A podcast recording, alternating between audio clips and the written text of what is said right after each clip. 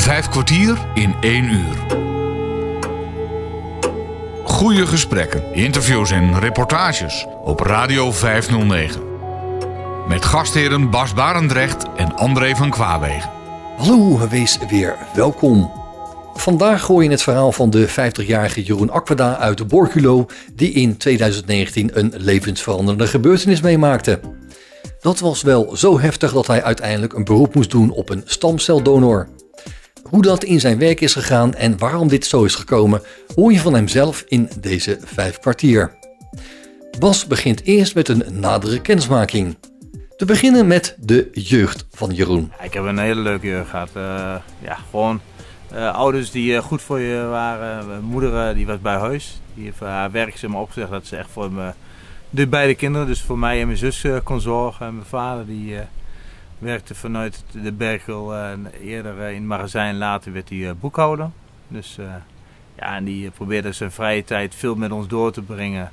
Dus of naar het voetbalveld, wat hij zelf natuurlijk ook leuk vond. En, keer samen naar de motocross gaan kijken en zulke dingen. Ja. Dus, uh, ja. Ja, ja, ja. dus je vader was een echte kindervriend? Ja, mijn vader was zeker wel een echte kindervriend. Ja, goed, wat is, hij deed zijn best. Uh, maar goed, werken staat bij ons wel echt wel uh, voorop. Dus eerst werken en dan de thuissituatie. En ja, mijn moeder deed al heel veel wel met ons. Dus die zorgde dat als wij terugkwamen van school, dat we een, een ranjaar klaar stond met een koekje en dat we de verhalen konden vertellen. Dus ja. Je moeder was er altijd als je terug was? Ja, mijn moeder was er altijd. Dus we, kwamen nooit voor een lege deur thuis. Dus ja, ideaal. Dus, uh. hey, luister, en uh, wat voor opleiding heb je gevolgd? Ik heb uh, na mijn lagere school ben ik MAVO gaan doen. met de gedachte van, oh, dat, dat, doe ik makkelijk. Want ik had eigenlijk had ik meer O-niveau, zoals ze zeiden. Maar ja, ik deed er wel gewoon vijf jaar over de MAVO. Dus dat viel dat even tegen. Maar ja, ik dacht van een mooi derde klas, een twee keer werk, werkweek, maar de werk ging ook niet door. Mijn vader zei van ja, je kunt één keer werkweek doen, die week deed je dus niet. Het derde jaar deed ik dus twee keer. Ja. Dan ga je maar gewoon werken. Ja. Dus, uh, dus je vader die nam zijn maatregelen? Ja, uh, het was mijn eigen schuld dat ik uh, bleef zitten. Dus, je, ja. je, je, deed het niet of je zag het niet? Ja, gewoon te, te, te laks. Ik was nog een beetje speels. Lekker met de Lego blokjes spelen. Dat vond ik belangrijker dan leren. Dus ja. ja. Dus, ja. ja. Je had Lego blokjes, veel? Ja, heel veel Lego. Ik vond het gewoon leuk. daar bracht ik ook mijn tijd in door om ontspanning te krijgen. En, ja. wat, wat bouwde je al zo? Ja, veel boerderijen. Boerderijen vond ik leuk om te maken. Dus ja, ja, en, en keek je ze dan af of uh, had je daar plaatjes van? Nee, ik had uh, heel veel eigen fantasie. dus, uh, nee, dus ik, had ik sliep op zolder en daar had ik een de grote dressoir met werktafel waar ik mijn Lego blokken had en dergelijke. Daar kon ik prima in uitleven. Dus ja. ja. Was, het scheelde een beetje bij het opruimen, denk ik. Dat was zeker makkelijk, want was, voor mij was een bak naar voren doen. Eén keer met de arm over het dressoir heen en ik had was opgeruimd. Dus, uh, Mama, ik ben klaar. Juist, zo ongeveer wel, ja. ja, ja. En toen, wat ben je toen uh, na die opleiding gaan doen? Na de MAVO ben ik meer O gaan doen. Maar ik ben ook best wel een, een, een eigenwijs mannetje. En, nog steeds? Nog steeds, ja, daar zitten we gewoon in. En, nee, nee, de MEO werd mij gezegd van dat je de administratieve vakken moest doen. Dat, dat deed ik ook heel netjes, achters en negens. Alleen de, het Nederlands, Duits en Engels, dat uh, verwaterde. En dat kwam ik niet verder als een drietje. Terwijl ik oh, Nederlands maar aardig goed kon. Maar uh, het Duits en Engels, dat bleef achter. Okay. Dus, uh, en toen, waarom? Ja, dus op tijd gestopt met de MEO. Heb ik een tijdje gewoon gewerkt. want mijn, de, de studies begon pas weer in september. Ja. En uh, ben ik in september toen uh, begonnen met een uh, computeropleiding. Dat was een volwassen opleiding. Ik was de jongste met mijn 17. En de oudste was voor mij 62. Dus een mooie variatie aan mensen. En dat was een jaar lang. Dus een half jaar lang volledig op school. En was dat een leuke opleiding? ja, op zich wel. Het was applicatiebeheer. Deed ik. Dus het, het, toen de tijd het DOS, het Lotus-verhaal moesten we kennen. Nou, dat was wel leuk. Uh, alleen je merkt dan ook wel dat de, IT gewoon heel snel gaat. En ik had zoiets van, ja, ik ben niet van het leren. En uh, dus ik ben daar ook... Ja, ik, ben, ik heb hem wel afgemaakt, maar ik ben er niet in doorgegaan. Nee, waar, waarom niet? Ja, omdat het vooral heel veel leerwerk is. En ja, de, de IT staat gewoon niet stil. En ik had zoiets van, nou, dat ga ik niet trekken. Ik ga niet elke keer in die boeken duiken. Ik ben echt gewoon een man van de praktijk. Ja, absoluut. Radio, Radio 509. Radio 509. En toen ging je dus de praktijk in? Uh, ja, ik ging de praktijk in. Ik, uh, waar mijn vader werkte in de confectiefabriek daar kon ik uh, goed terecht. Uh, lekker in het magazijn in eerste instantie. Ja, zo ging dat vaak. Hè? Je vader die zorgde dat je een baan kreeg. Uh, mooi, mooi kun je niet hebben. Een mooi opstapje. En nou ja, goed. Ik wil niet zeggen dat ik papa zei op mijn werk. Het was gewoon Johan. En, maar het was gewoon... ja, hij zat in de boekhouding. Dus ik had ook niet direct bij hem te doen. Dus ik had gewoon direct met mijn collega's te maken. Natuurlijk word je wel gezien als het zoontje van.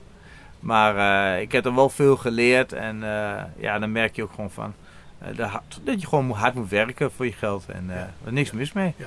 Maar je vader, die stopte een keer, denk ik.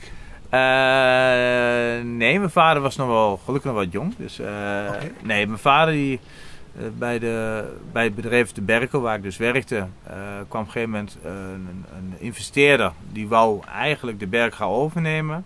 Mijn vader zat op de boekhouding. Nou, vaak is het dan de boekhouding die als eerste wordt geschrapt. Dus mijn vader koos uh, eieren voor zijn geld en die is naar een ander bedrijf gegaan. Daardoor zocht iemand op de boekhouding die toch nog een beetje zijn boekhoudwerk kon doen. Nou, met mijn achtergrond van de cijfertjes hebben ze mij naar de boekhouding gezet. Dus ik werd jongste medewerker met twee collega's. En Daar, bij de, bij de Berkel? Bij de Berkel, ja. Dus ik ben echt wel een Berkelman. En uh, mijn ouders ook. Dus, ja, en wat blijkt dat dan uit? Ja, goed. Mijn vader die heeft er bijna 40 jaar gewerkt. Uh, ik heb er bijna 21 jaar gewerkt in totaal. Dus uh, ja, we, uh, ik zeg ook wel eens van... ik, ben, ik ben verwekt tussen de stellingen van de Berkel. Is dat zo? ja, nee, dat is gelukkig niet zo. Maar hoe we mijn verder deden, dat is niet mijn pakje aan. Maar mijn, mijn, zus heeft er ook gewerkt, mijn zwaar heeft gewerkt. Dus wij kennen de Berkel best wel goed. Maar, dus ik kwam op de boekhouding terecht en mijn vader was dus op dat moment weg bij het bedrijf. Nou, die overname is niet doorgegaan. Maar het bedrijf waar mijn vader heen is gegaan was ook een confectiebedrijf. Die werd wel overgenomen. Dus mijn vader kwam bij huis. Bij huis? Hij kwam niet terug? Op dat moment niet. Maar toen kwam er op een gegeven moment een uh, realisatie binnen de Berkel. Er moesten er 13 mensen uit. Nou ja, ik was natuurlijk de jongste medewerker. Dus werd mij ook gevraagd van... God, uh, Jeroen, uh, jij staat ook op de lijst. Wil je door blijven werken met je uitwerktijd? En dan kan je vader daar ook terugkomen. Ik zei, natuurlijk. Dus ik ben 21, dus maakt mij dat nou uit. Ik ben nog jong. dus en ik was lang bij mijn vader weer terug kon komen, had hij weer werk. En voor mij was er wel genoeg ander werk. Nou, dat klopt ook. Ik was tijdens het volleyballen, sprak ik met iemand. En die zei van, oh, kom vrijdag even langs. En uh, de weekend daarna kon ik aan het werk daar. Dus dat was helemaal geen probleem. Geweldig geregeld. Sorry? Geweldig geregeld. Geweldig geregeld in een gezellige wedstrijd. nee, dus uh, toen ben ik uh, in de textielbranche wel verder gegaan. Maar alleen in het uh, BA-band maken onder andere. En stukken voor Vredestein. dus dat was bij Docs International later. Dus, Docs International, wat is dat? Dat is een, ja, die doen, die deden in BA-band maken. Wat dus voor de dames, zeg maar, voor de, uh, het afzetten van ja. blouses en dergelijke.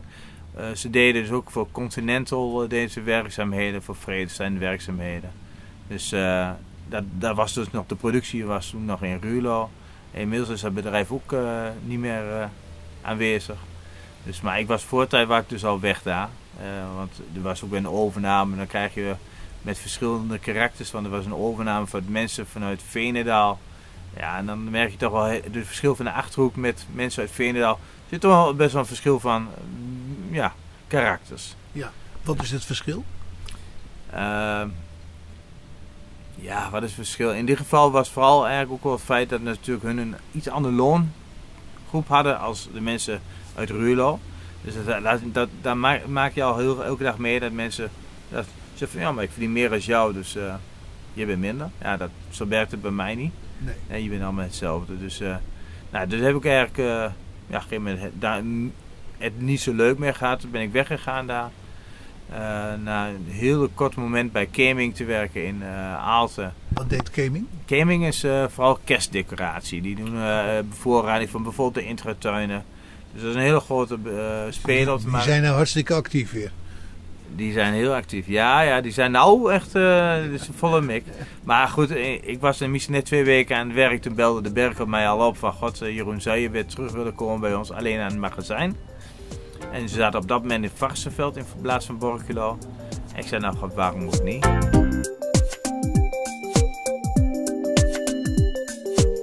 Bas spreekt vandaag met Jeroen Aquada uit Borculo. Dus ik ben weer teruggegaan naar de Berkel. En Net als je vader. Mijn vader, is ook, ja, mijn vader was toen nog steeds boekhouder daar. En uh, ik uh, mocht weer in het magazijn werken. En uh, een leuke tijd gehad. En ja, alles gedaan. magazijn uit. ja, ik, ik kan heel slecht tegen grote voorraden. ik heb op een gegeven moment ook de, de, al mijn collega's in de kantine geroepen. Wat normaal gesproken de, de, de directeur doet. Had ik gezegd, we hebben een jubilaris in dienst. En iedereen van, god, een jubilaris in dienst, jubilaris. Wie is hier, gos, een jubilaris? Ja. Maar goed, ze zaten er allemaal. En uh, nou, de directeur nam in eerste instantie zijn woord. Die zegt van, god, uh, jongens, uh, we zijn hier bij elkaar. We hebben een jubilaris in dienst. En het woord is nu aan Jeroen. Dus nou, ik nam het woord. Ik zeg, ja mensen, het fijne waar we zijn. En vandaag is Meta, 25 jaar in dienst.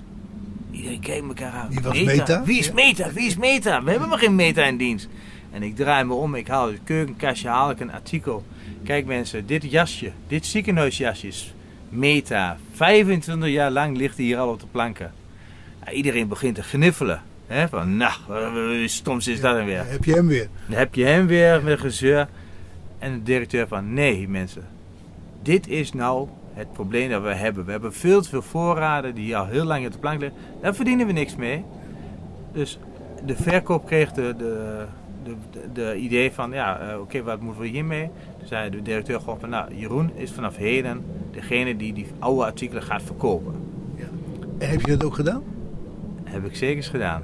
Ja, ja ik heb uh, gelukkig ook samen met de verkoop hebben we een lijst gekregen, opgemaakt van wat zijn de oude artikelen, wat kan weg. En ja, dan krijg je me niet de volle mik ervoor. Maar ja, ik uh, ben naar Kuik geweest met spul. Ik heb mijn spul laten zien. Ja, en uh, toen werd me al gezegd van ja meneer, maar nu gaat dat hier niet verkopen. Ik zei ja, maar ik kan het wel proberen. En de beste man die dat me dat vertelde, die zei van weer wat maat, ik koop het alvast. Dan hoef jij hier dat dagje niet te staan. Ik zei ja, maar ik wil het ook een keer proberen. Dus ik heb een deel aan hem in eerste instantie verkocht. En ben daar op keuken gaan staan. Hele leuke tijd gehad. Maar echt verdienen In Kuik? In Kuik, ja. ja, Toen was de, de zogeheten Zwarte Markt daar nog. En uh, ja, dat was een leuke tijd veel mensen leren kennen. En uh, ja, dat was gewoon leuk om te staan, maar je verdient er niet zoveel mee. En, uh, ja, maar ik ben wel mijn spullen kwijtgeraakt aan die opkopen. Dus uh, ja, dus... dus Meta is er nou niet meer? Meta is er niet. Oh, dat was de deuren. Nee, nee Meta is er niet meer, nee. Dus, nee, dus die zal misschien ergens in Oekraïne nou zwerven. ja, dat zal wel, ja. ja. ja. Vijf kwartier in één uur. Uh, nou, dan ben je 42. En dan komt er een, eh, een wasserij die zegt van... God, uh, Jeroen, zou je misschien productieleider bij ons willen worden?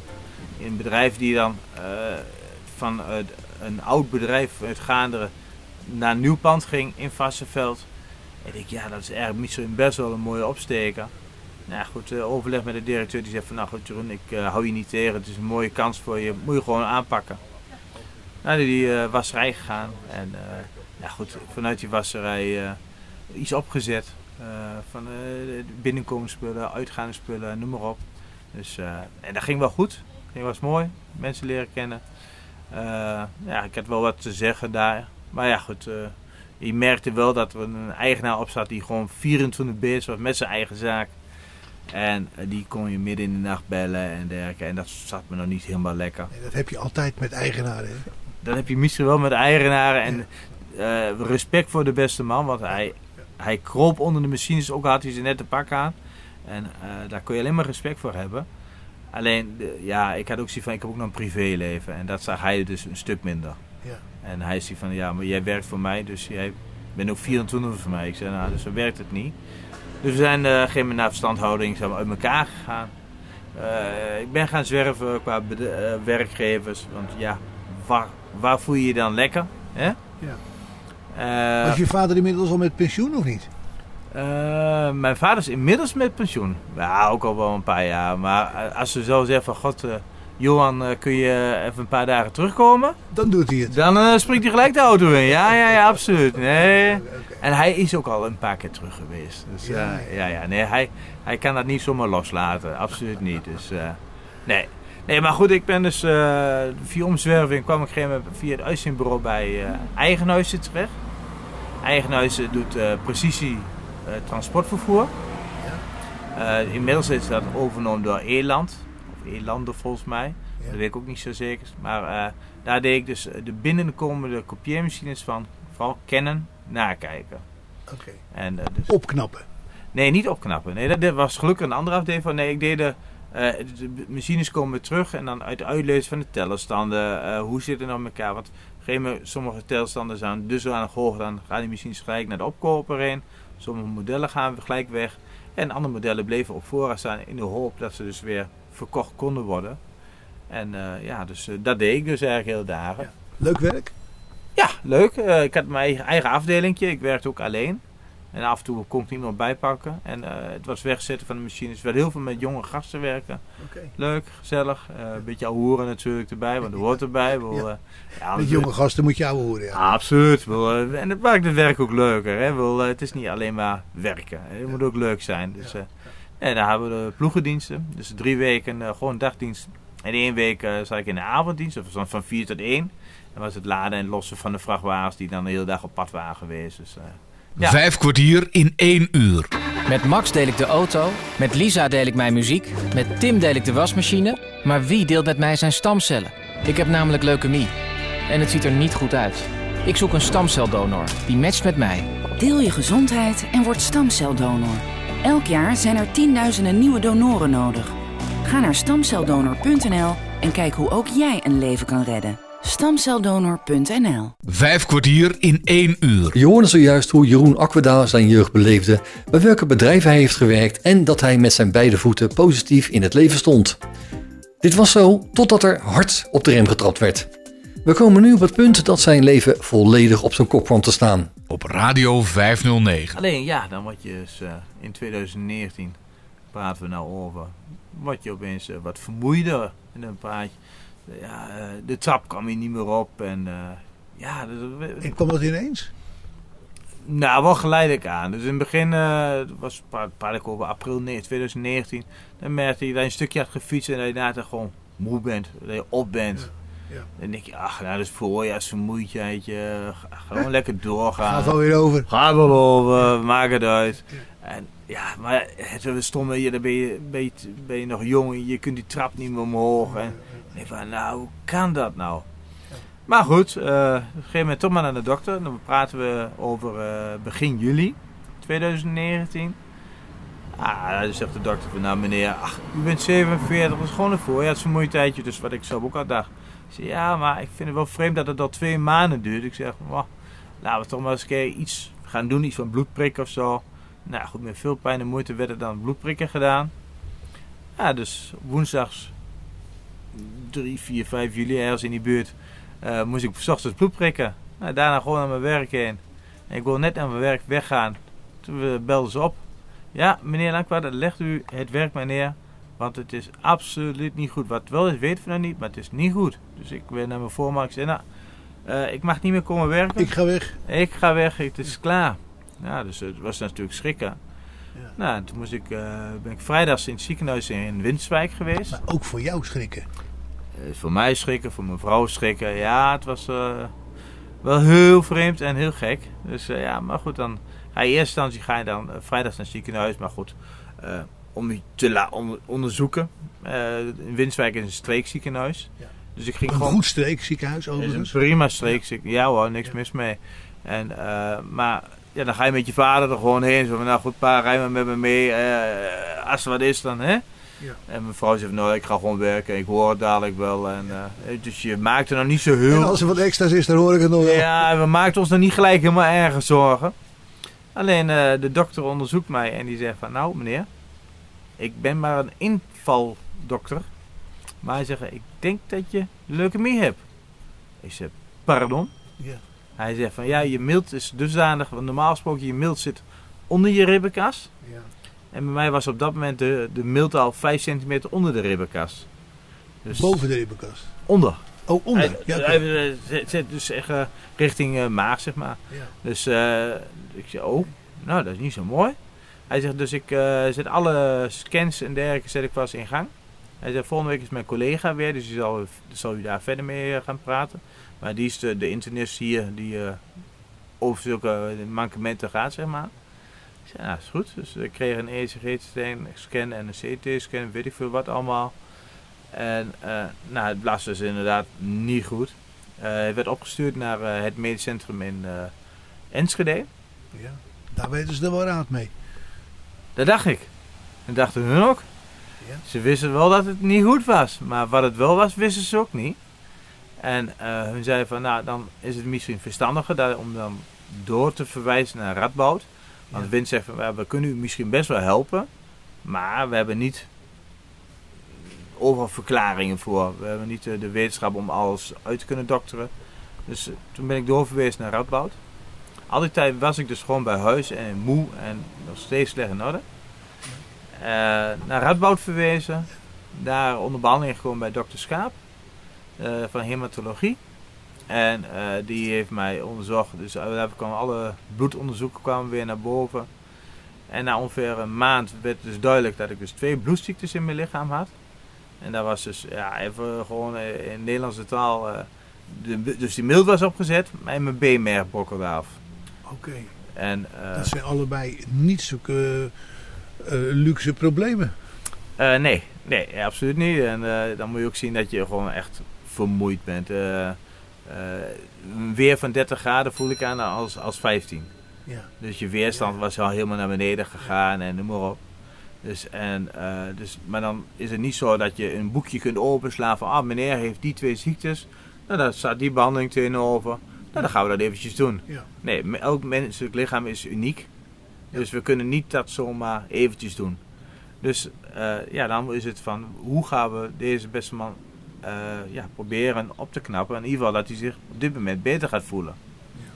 Dus eh, dat duurde en het duurde. En na al die tijd ben je bij huis. Je ligt op de bank. En elke zeven dagen kreeg ik dus vers bloed.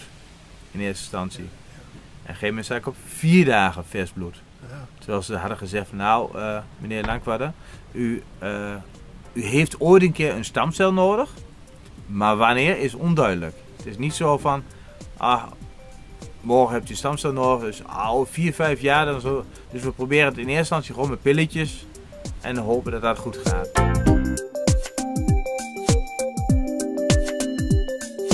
Radio. Radio 509. Radio 509.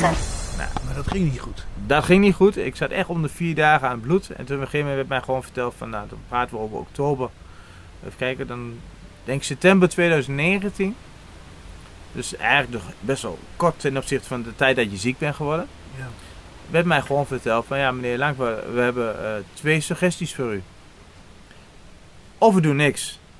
En dan haalt u de kerstmis niet meer van 2019. Of we gaan kijken naar een stamcel. En in de hoop dat je zo snel mogelijk komt. En dat dat er allemaal aan gaat slaan. En dan hopen we dat u uw leven kan verlengen. Ja, En wat doe je dan? word je stil. Ja. Dan word je heel klein, heel stil. Ja. Eh, Ik zag het zelf niet als een keuze. Nee, Maar ja, het is wel eerlijk dat ze die keuze je wil voorleggen. Ja. Want ja, waarom zou je heel veel moeite voor doen? Iemand die dan zegt van ja, maar dan is het klaar. Dat je als je 85 bent die beslissing neemt, dat geloof ik wel. Maar op jouw leeftijd, Nee. Ja, ja, ik heb natuurlijk ook nog een vrouw. En eh, ja, die wil je ook nog zo lang mogelijk zien en steunen en, en, leed mee en plezier meemaken. Hè, en ik heb twee ouders die ik nog... eh, ja, je wilt niet eerder gaan als je ouders. Nee. Dus eh, Ja, dus ik had zoiets van, nou dat is voor mij geen keuze. Als ik dan die stamcel zou kunnen krijgen. Maar ja, dan is het niet zo van, we gaan eventjes naar een winkel en we halen even een stamcelletje. Nee. Je komt gewoon op een wachtlijst. Misschien heb je gehoord van stamceldonatie. Maar waar is het voor en hoe werkt het? Nou, stamcellen maken nieuw bloed aan. Als iemand leukemie krijgt, gaat dat fout en kunnen jouw gezonde stamcellen hem beter maken. Maar omdat er veel verschillende mensen zijn, is het vinden van matchende stamcellen lastig. Daarom zijn er zoveel mogelijk stamceldonors nodig. Zo word je donor. Meld je aan en vul de vragenlijst in. Je krijgt wattenstaafjes thuisgestuurd die je langs de binnenkant van je wang haalt. Daarmee onderzoekt het laboratorium welk soort stamcelinformatie jij hebt en word je in de databank gezet. Mooi! De kans dat we je oproepen is niet groot. Maar als er een match is met een patiënt, bellen we je direct om stamcellen te geven. Dit kan op twee manieren. Via bloed komt het meeste voor. Je krijgt dan prikken zodat je meer stamcellen aanmaakt. Je kan je wat grieperig of een soort botpijn voelen. Vervolgens ga je een dag naar het ziekenhuis. Alle kosten worden gewoon vergoed. Een speciaal apparaat filtert de stamcellen uit je bloed, terwijl jij, eh, lekker internet bijvoorbeeld. Stamcellen kunnen ook uit je beenmerg gehaald worden. Je gaat dan volledig onder narcose. Tel maar af. 10, 9, zo, al gebeurd. Misschien voelt het nog even beurs en ben je een beetje moe, maar dat is alles. Jouw stamcellen gaan direct naar de patiënt, die hopelijk snel weer beter is. Meld je meteen aan. En er zijn ehm, over de wereld 30 miljoen donoren die een stamcel willen geven. 30 miljoen. Dat is niet veel. Over de hele wereld gezien. Ja, ja. Dus, eh, maar dan is het nog met jouw, die stamcel met jou. Want ja, eh, er komt zoveel bij kijken. Eh, A en A is niet hetzelfde. Want A kan diverse ziektes in zijn lichaam hebben gehad die jouw lichaam het niet kan hebben. Dus degene die ooit zich heeft aangemeld als stamceldonor, die wordt dan weer opnieuw onderzocht. Want stel dat hij in het buitenland is ge- geweest en die heeft een ziekte op- opgenomen. Of die heeft eh, corona heel lang gehad en die ziekte zit nog steeds in je lichaam. Ja.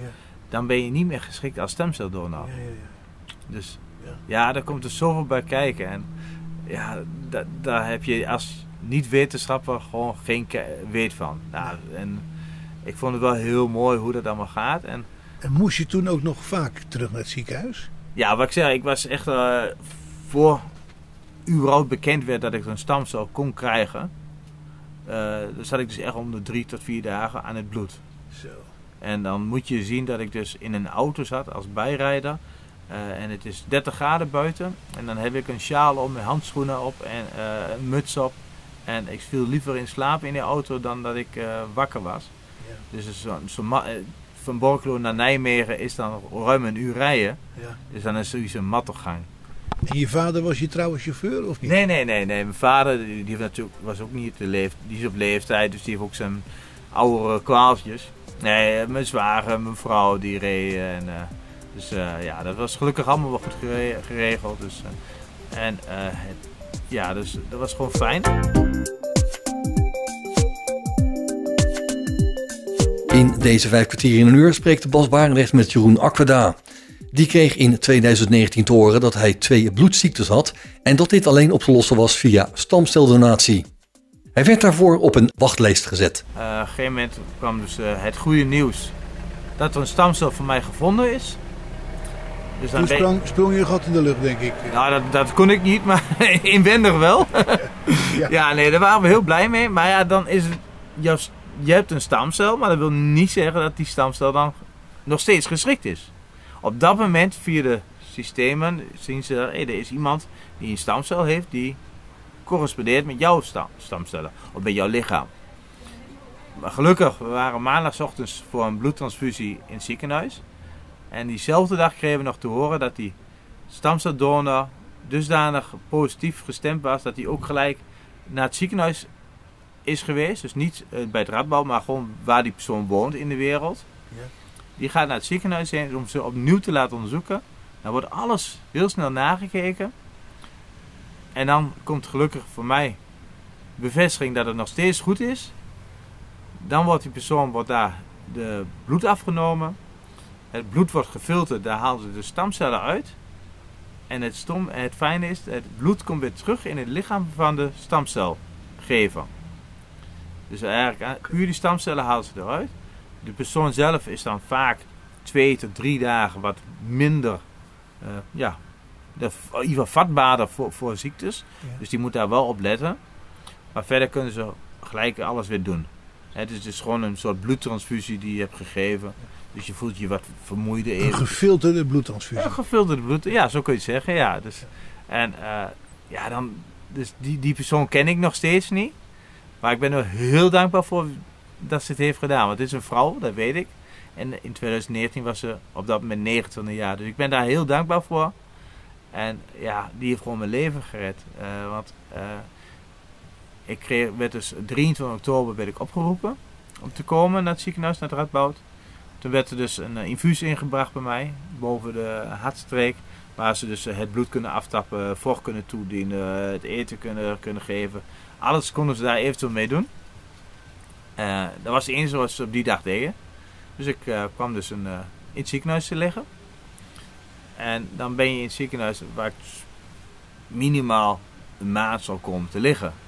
Want ja, je ligt afgezonderd. Je ligt niet helemaal in quarantaine, moet ik zeggen.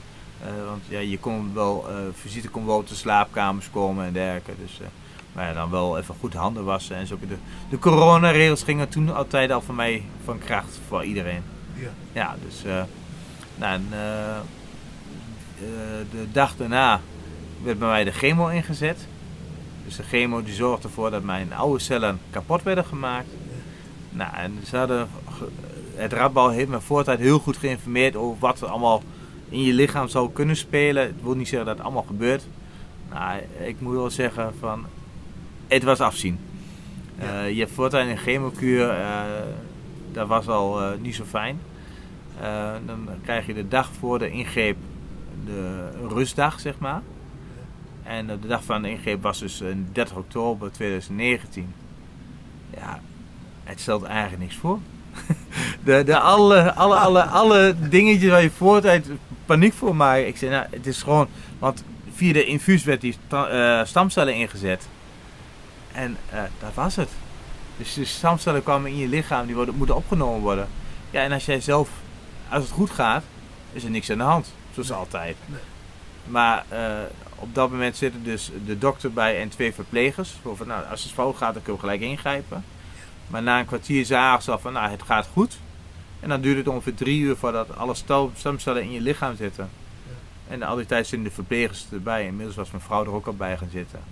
Ja, en je, je, kunt, je bent er gewoon bij met je hoofd. Je kunt maar hoe voel je je dan als iedereen naar je zit te kijken en dat gebeurt, dat proces? Ik zeg zo een potje. Well, ja, ja je, je, voelt je gewoon goed. Het was niks anders dan een bloedtoevoer. Ja. En uh, ja, het gaat gewoon uh, zijn gangetje. Het doet zijn werk. En uh, ja, en, dus dat was wel heel bijzonder. En ja, je, je bent al vermoeid. Dus ja, nee, het was wel mooi, mooi, mooi hoe het allemaal ging. En, en natuurlijk, het ging goed. Hè, dus dan heb je alleen maar positieve dingen erover. Dus ja, en de, laat ik zo zeggen, in 81 was je met deze ziekte overleden. Ja.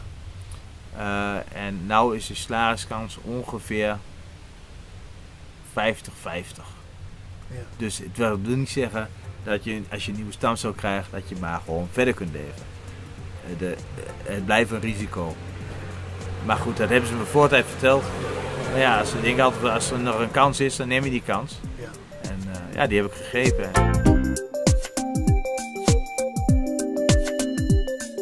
Vijf kwartier in één uur. En hoe is dat met dat risico? Want stel nou dat je het weer krijgt. Kunnen ze dan nog een keer stamcellen geven of niet? Weet ik eigenlijk niet. Ik heb er niet over gesproken. En uh, theoretisch is mijn uh, stamcel zo goed werk geleverd dat in december 2019... die had mijn lichaam overgenomen. Uh, mijn bloedgroep is daardoor wel veranderd. en ik zeg ook altijd van... Ja, nu ik wat vrouwelijke stamcellen heb, ben, is mijn uh, gedachten ook even wat anders. Laat ik het even neutraal houden. ik ben wel soms wel wat uh. Maar soms probeer ik ook meerdere dingen tegelijk wat ik nou niet kan. Dus ja, wat kan een vrouw schijnbaar wel. Maar met mijn man persoonlijk kan ik weer niet. Dus dat, dat niet altijd met elkaar. nee, maar ik ben er heel blij mee gewoon. En ja, als je inderdaad horen krijgt dat je lichaam weer overgenomen is. eh, ik ben in principe nu net zo gezond als ieder ander. Ja. Hoe lang heb je daar toen nog gelegen nadat die behandeling heeft plaatsgevonden? Eh, ik heb in totaal een maand in het ziekenhuis gelegen. Eh, dan, na de transplantatie kwam er nog een keer een chemokuur overheen. En die was wat heftiger als de eerste. Maar die zorgde ervoor dat ook de alle oude cellen van jou kapot waren gemaakt. Ja. Zodat de nieuwe cellen al hun werk kon doen. En eh, dus dan moet je zien dat je... Ik had vocht in mijn benen. Ik kwam amper bed nog uit. Ik heb een opgezwollen mond. Praten en ademhappen, dat ging niet samen. Dus als ik drie, vier woordjes zei, dat was al heel wat. Even lucht halen. En dan moest ik lucht halen. En dus ik was meer aan het slapen en aan het luchthappen dan dat ik eh, ja, erbij ben. Dus eh, ik veel slapen. Ja, goed, eh, ook precies hetzelfde. met- ik denk altijd, ach, douchen, dat kan toch iedereen? Alleen jij niet op dat moment. Nou ja, dan is het heel mooi dat er dus mensen zijn in het ziekenhuis die jou verzorgen, willen verzorgen. Eh, dus ik had op een gegeven moment, eh, zei ze van tegen mij, God, eh, Jeroen, zou je even gaan douchen? Ik Ja, nou, dat ik uh, probeerde zo, al moet ze, in dit geval dan Sonja, jou even helpen? Ik zei, nee, laat Sonja maar, laat me, ik voel me hartstikke goed, ik loop zelf wel eventjes heen. En er was een afstandje van ongeveer 10, 15 meter. Ja, en na drie meter was je moe. Nou ja, twee meter. En eh, toen, zei, toen zei ze van eh, Sonja. Oké. En Sonja die heeft me prima geholpen. En eh, ik zei wel tegen mijn vrouw van God, nu heeft er wel een andere vrouw aan mijn lichaam gezeten. Maar Ja, goed, ja, ja, dat hoorde er maar Dat bij. vond ze niet erg. Alles voor de goede orde. Nee, dus de- ook die verzorging was gewoon goed. En ja, daar ben ik ook heel dankbaar voor. Ja.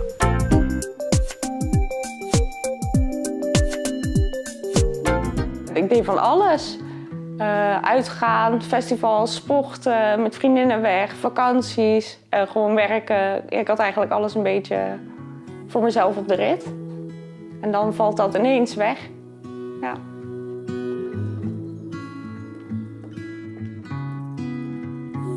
Ik was 23 toen, eh, toen begon ik te merken dat ik wat moeder werd en vlekken kreeg, eh, buik, buikklachten.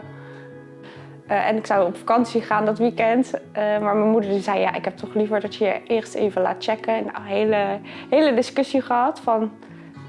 Dat doe ik wel als ik terugkom van vakantie, maar die vertrouwde het gewoon echt niet. En eh, zo is het balletje eigenlijk gaan rollen. Naar de huisarts gegaan en die heeft me doorgestuurd om bloed te prikken. We werden verwacht op de spoedeisende hulp. Daar werd ik eigenlijk gelijk apart genomen en hebben ze heel veel bijzes bloed afgenomen. Echt, ik denk zonder te overdrijven wel een stuk of twintig. Eh, en toen, ik denk dat we echt zes uur gewacht hebben. En toen kwamen ze van, ja, er staat een internist op je te wachten eh, en die gaat je meer vertellen. Ja, geen idee wat dat was, want het zegt mij niks. Eh, en toen werden we in het kamertje geholpen en toen kreeg ik inderdaad te horen dat acute leukemie was. Ja, vanaf het eerste moment was het eigenlijk al gelijk duidelijk dat ik een trans- transplantatie nodig had. Eh, en toen was het nog heel erg afwachten of dat het van mezelf zou zijn of van een donor. Ja, ik denk dat het eh, iets langer dan een half jaar zo goed is gegaan op mijn eigen stamcellen. Eh, en ik merkte ook helemaal niet toen het terugkwam dat ik echt ziek was. Want ik werkte weer. Ik deed eigenlijk alles weer wat ik daarvoor ook deed. Ehm, dus ja, toen kwam het wel harder aan.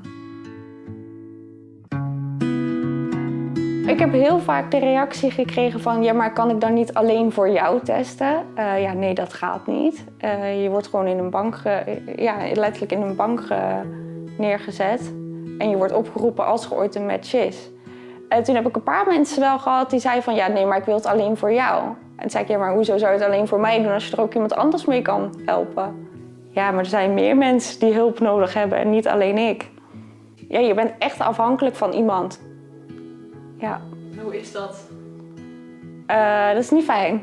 Nee. Nee, je zit zo in de onzekerheid van... gaat het wel, gaat het niet? Eh, heb ik een leven straks? Heb ik geen leven? Is dit, is dit het einde? Eh, moet ik al na gaan denken over, over, je, over mijn begrafenis? Ja, dat zijn wel allemaal dingen waar je rekening mee moet houden. Ja, dat heeft echt wel een hele tijd geduurd. Omdat ze iedere keer zeiden, ja, sorry, maar we kunnen echt... We, vinden geen match. En ik denk dat ze toen drie of vier dagen later, toen kwamen ze met z'n tweeën vertellen dat ze toch een match hadden gevonden. En ik weet nog dat ik toen heel hard heb gehuild, want ik dacht, yes, eindelijk. Ja. ja, voor mij betekent het op dat moment echt eh, hoop op leven. Letterlijk. Want als, ja, als ik geen donor heb, dan houdt het een keertje op. Ja. Het is heel lullig om te zeggen, maar het is wel zo. Waar ik nu het meest naar uitkijk, gewoon dat alles goed blijft gaan en ik mijn ding kan blijven doen. En lekker weer naar een festival gaan in de zomer. Lekker op festival staan met je zonnebril op en een lekker drankje in je handen. Uh, ja, ik denk dat ik dat wel het meest heb gemist. Uh, wat ik tegen die persoon zou willen zeggen. Uh, heel erg bedankt. ja, door jouw kleine, kleine bijdrage heb ik, heb ik een heel nieuw leven. Radio 509. Stel, je kan iemands leven redden door je stamcellen te doneren. Jouw stamcellen worden dan gebruikt om een patiënt met een ernstige ziekte zoals leukemie te genezen. Zou jij dat doen? De kans dat er een match is, is klein. En daarom is het belangrijk dat zoveel mogelijk mensen zich aanmelden. Laura meldde zich vorig jaar aan als donor. Na mijn studie ben ik gaan reizen en tijdens mijn reis ben ik nagedenken over wat ik wil doen en wat me gelukkig maakt. En niet alleen het geluk van mezelf, maar ook hoe kan ik iets betekenen voor het geluk van een ander. En toen ik thuis kwam hoorde ik een uh, radiospotje over uh, stamceldonatie. En daar ben ik toen over na gaan denken of ik mezelf wilde gaan aanmelden. En op een gegeven moment toen kwamen we als eh, gezin bij elkaar bij mijn ouders eten. En toen hadden we het erover. Ik zei, jongens, ik wil iets bespreken met jullie. Uh, ik wil heel graag me aanmelden als stamceldonor, maar ik twijfel ook nog een beetje. Toen hebben we de website bekeken van Matches met alle vragen die er zijn. Uh, hadden we beantwoord aan de hand van de website. En toen hebben we een stemrondje gedaan. En iedereen stemde voor. En toen uiteindelijk heb ik besloten om me aan te melden als uh, stamceldonor. Ik vind het heel erg mooi en bijzonder dat wellicht als ik in de toekomst een match heb, dat ik dan met mijn gezonde lichaam iemand anders kan helpen. Lloyd werd vorig jaar gevraagd om stamcellen te doneren. Daarvoor ga je een dag naar het ziekenhuis en halen de artsen de cellen uit je bloed of beenmerg. De dag dat het echt ging gebeuren, uh, kwam ik aan in het ziekenhuis. Nou, het was allemaal geregeld voor me. Ik had een privékamer uh, en ik werd echt als een soort van koning behandeld. Voordat ik de operatie inging, was ik helemaal niet gespannen. Ik uh, was gewoon rustig. Ik dacht, nou, ik heb er zin in. Toen is dus de operatie geweest en heb ik een paar uur in het ziekenhuis gelegen. En daarna mocht ik gewoon weer naar huis. Toen heb ik twee weken vrij gehad en in die tijd ben ik eigenlijk weer helemaal opgeknapt. Na een half jaar mag je dus bellen met matches om te vragen hoe het gaat met die persoon. En um, toen kreeg ik te horen dat uh, de patiënt waar ik mijn stamcellen aan heb gedoneerd, een jongen tussen de 11 en de 15, dat hij nu nog leeft en dat het ook goed met hem gaat. Dus dat hij uh, echt weer bezig was met genezen. Als aandenken van dit alles heb ik dus een tatoeage laten zetten. Nou, dat zijn twee hartslagen en die uh, worden verbonden door een strikje. Ik vind het gewoon heel bijzonder dat ik uh, hem heb kunnen helpen. Met maar zo'n klein beetje cellen uh, heb ik zijn leven kunnen redden. Ik vind dat jullie dit ook mogen zien. Ik heb net besloten dat ik uh, mijn haren kort ga knippen zaterdag. Anemone werd geboren met een auto-immuunziekte. Dankzij een match met een anonieme donor onderging ze enkele maanden geleden een stamceltransplantatie. Nou, vandaag heb ik een goede dag. En ik heb heel leuk bezoek vandaag gekregen.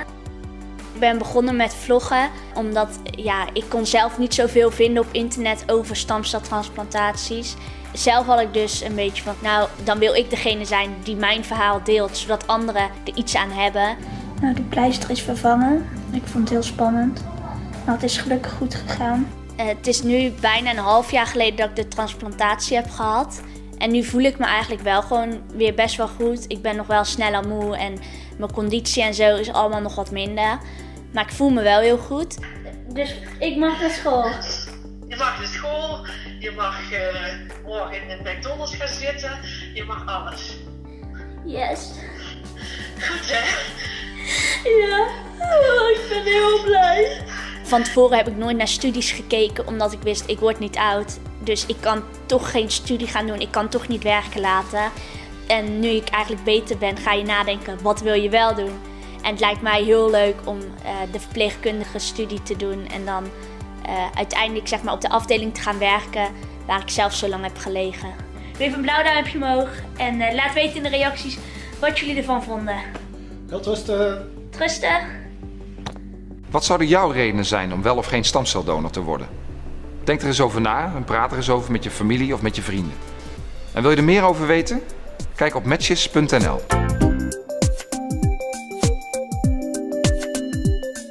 Vijf kwartier in één uur. Maar hoe is het toen met je gegaan? Wat ben je toen gaan doen?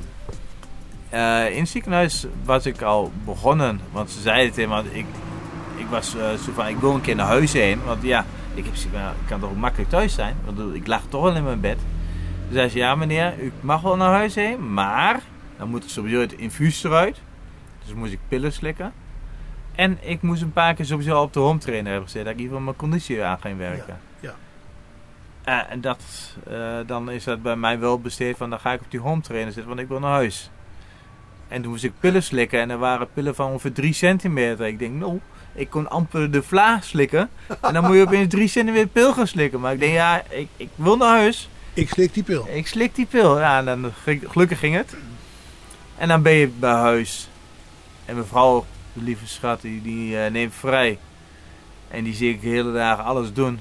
En ik lig daar een beetje als, als een lamme lul uh, op de bank. Ja. Maar meer kon ik ook niet. Nee. Als ik naar, naar, naar de wc zou gaan, dan was ik al helemaal op. Moe.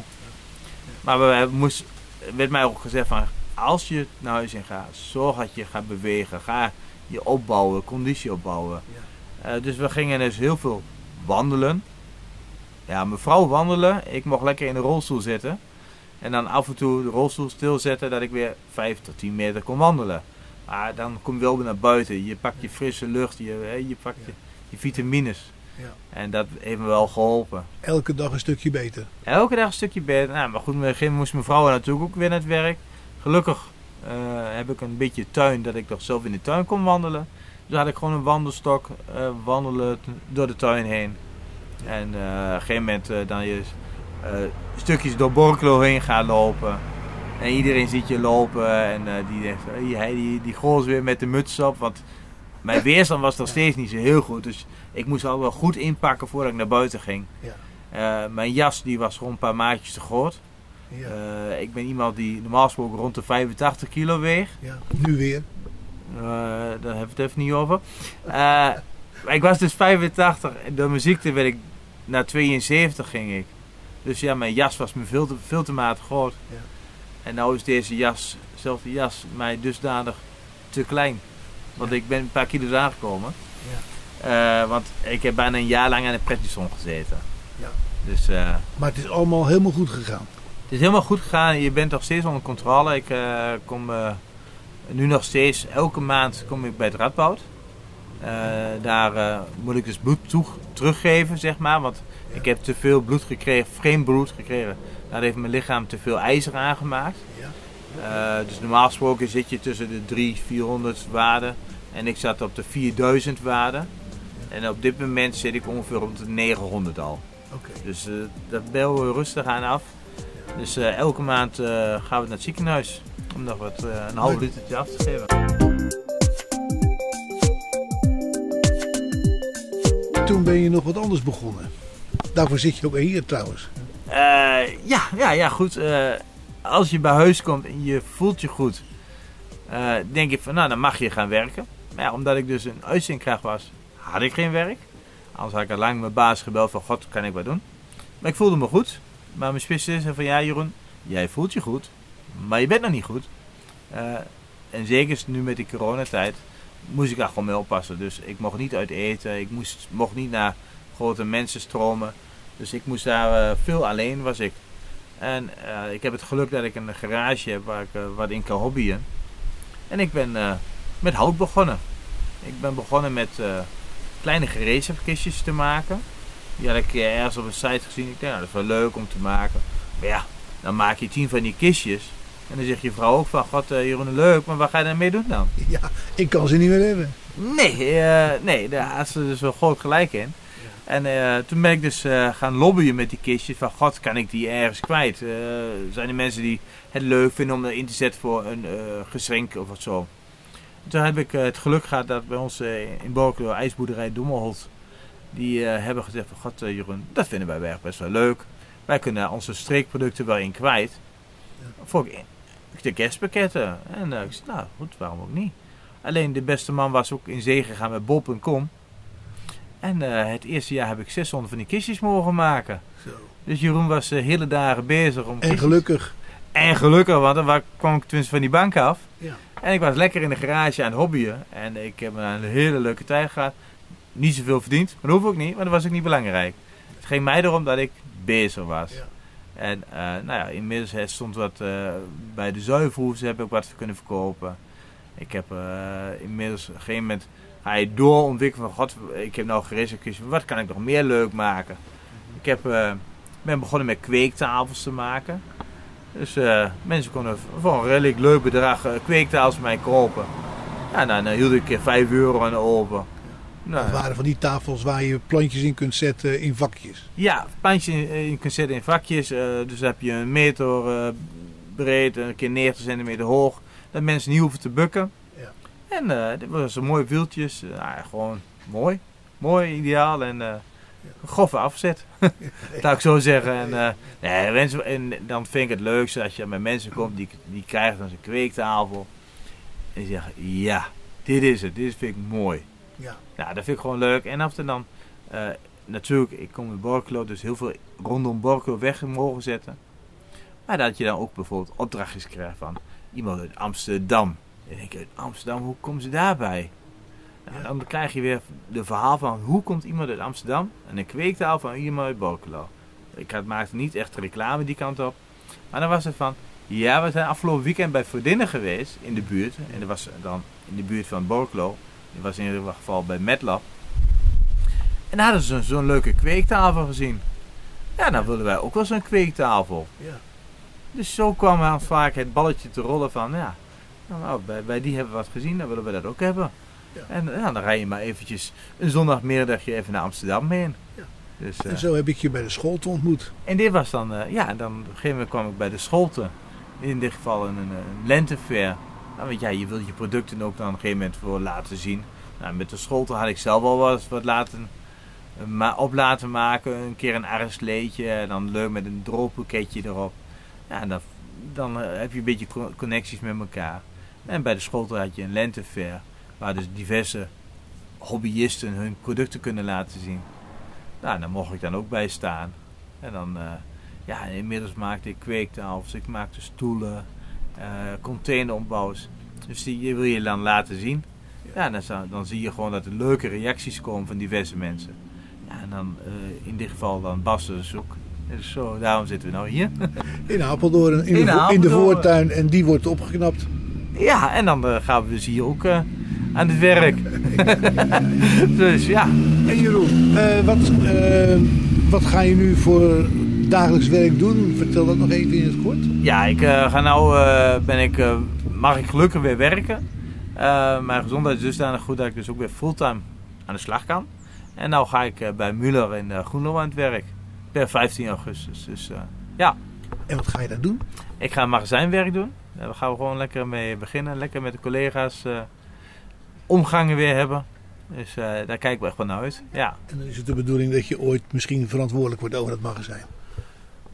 We zien wel hoe het leven gaat lopen. Ik eh, je hebt nooit geen garanties. En maar wat ik zeg, het belangrijkste is dat we gewoon weer morgen werken. En dat vind ik het leukste. En eh, de rest zien we wel. wel eh, ja. Je begrijpt nu dat er veel meer stamceldonoren bij moeten komen. Want er worden, je hoorde het zojuist, levens mee gered. Wil jij daar nu meer van weten? Dan kan je informatie vinden op de site matches.nl. M-A-T-C-H-I-S.nl. Matches.nl.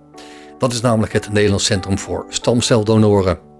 Ik bedank je mede namens Bas Barendrecht voor het luisteren. En heb je nog vragen of opmerkingen? Of wil je zelf eens aan het woord komen? Of weet je een onderwerp waar Bas achteraan kan gaan? Dan kan je een mailtje sturen naar bas.radio509.nl. Dit programma is overigens ook te beluisteren via de podcast van deze zender. Geniet van de rest van deze dag, blijf luisteren naar Radio 509 en tot een volgende keer. Vijf kwartier in één uur is een programma van Bas Barendrecht. Techniek André van Kwaabegen.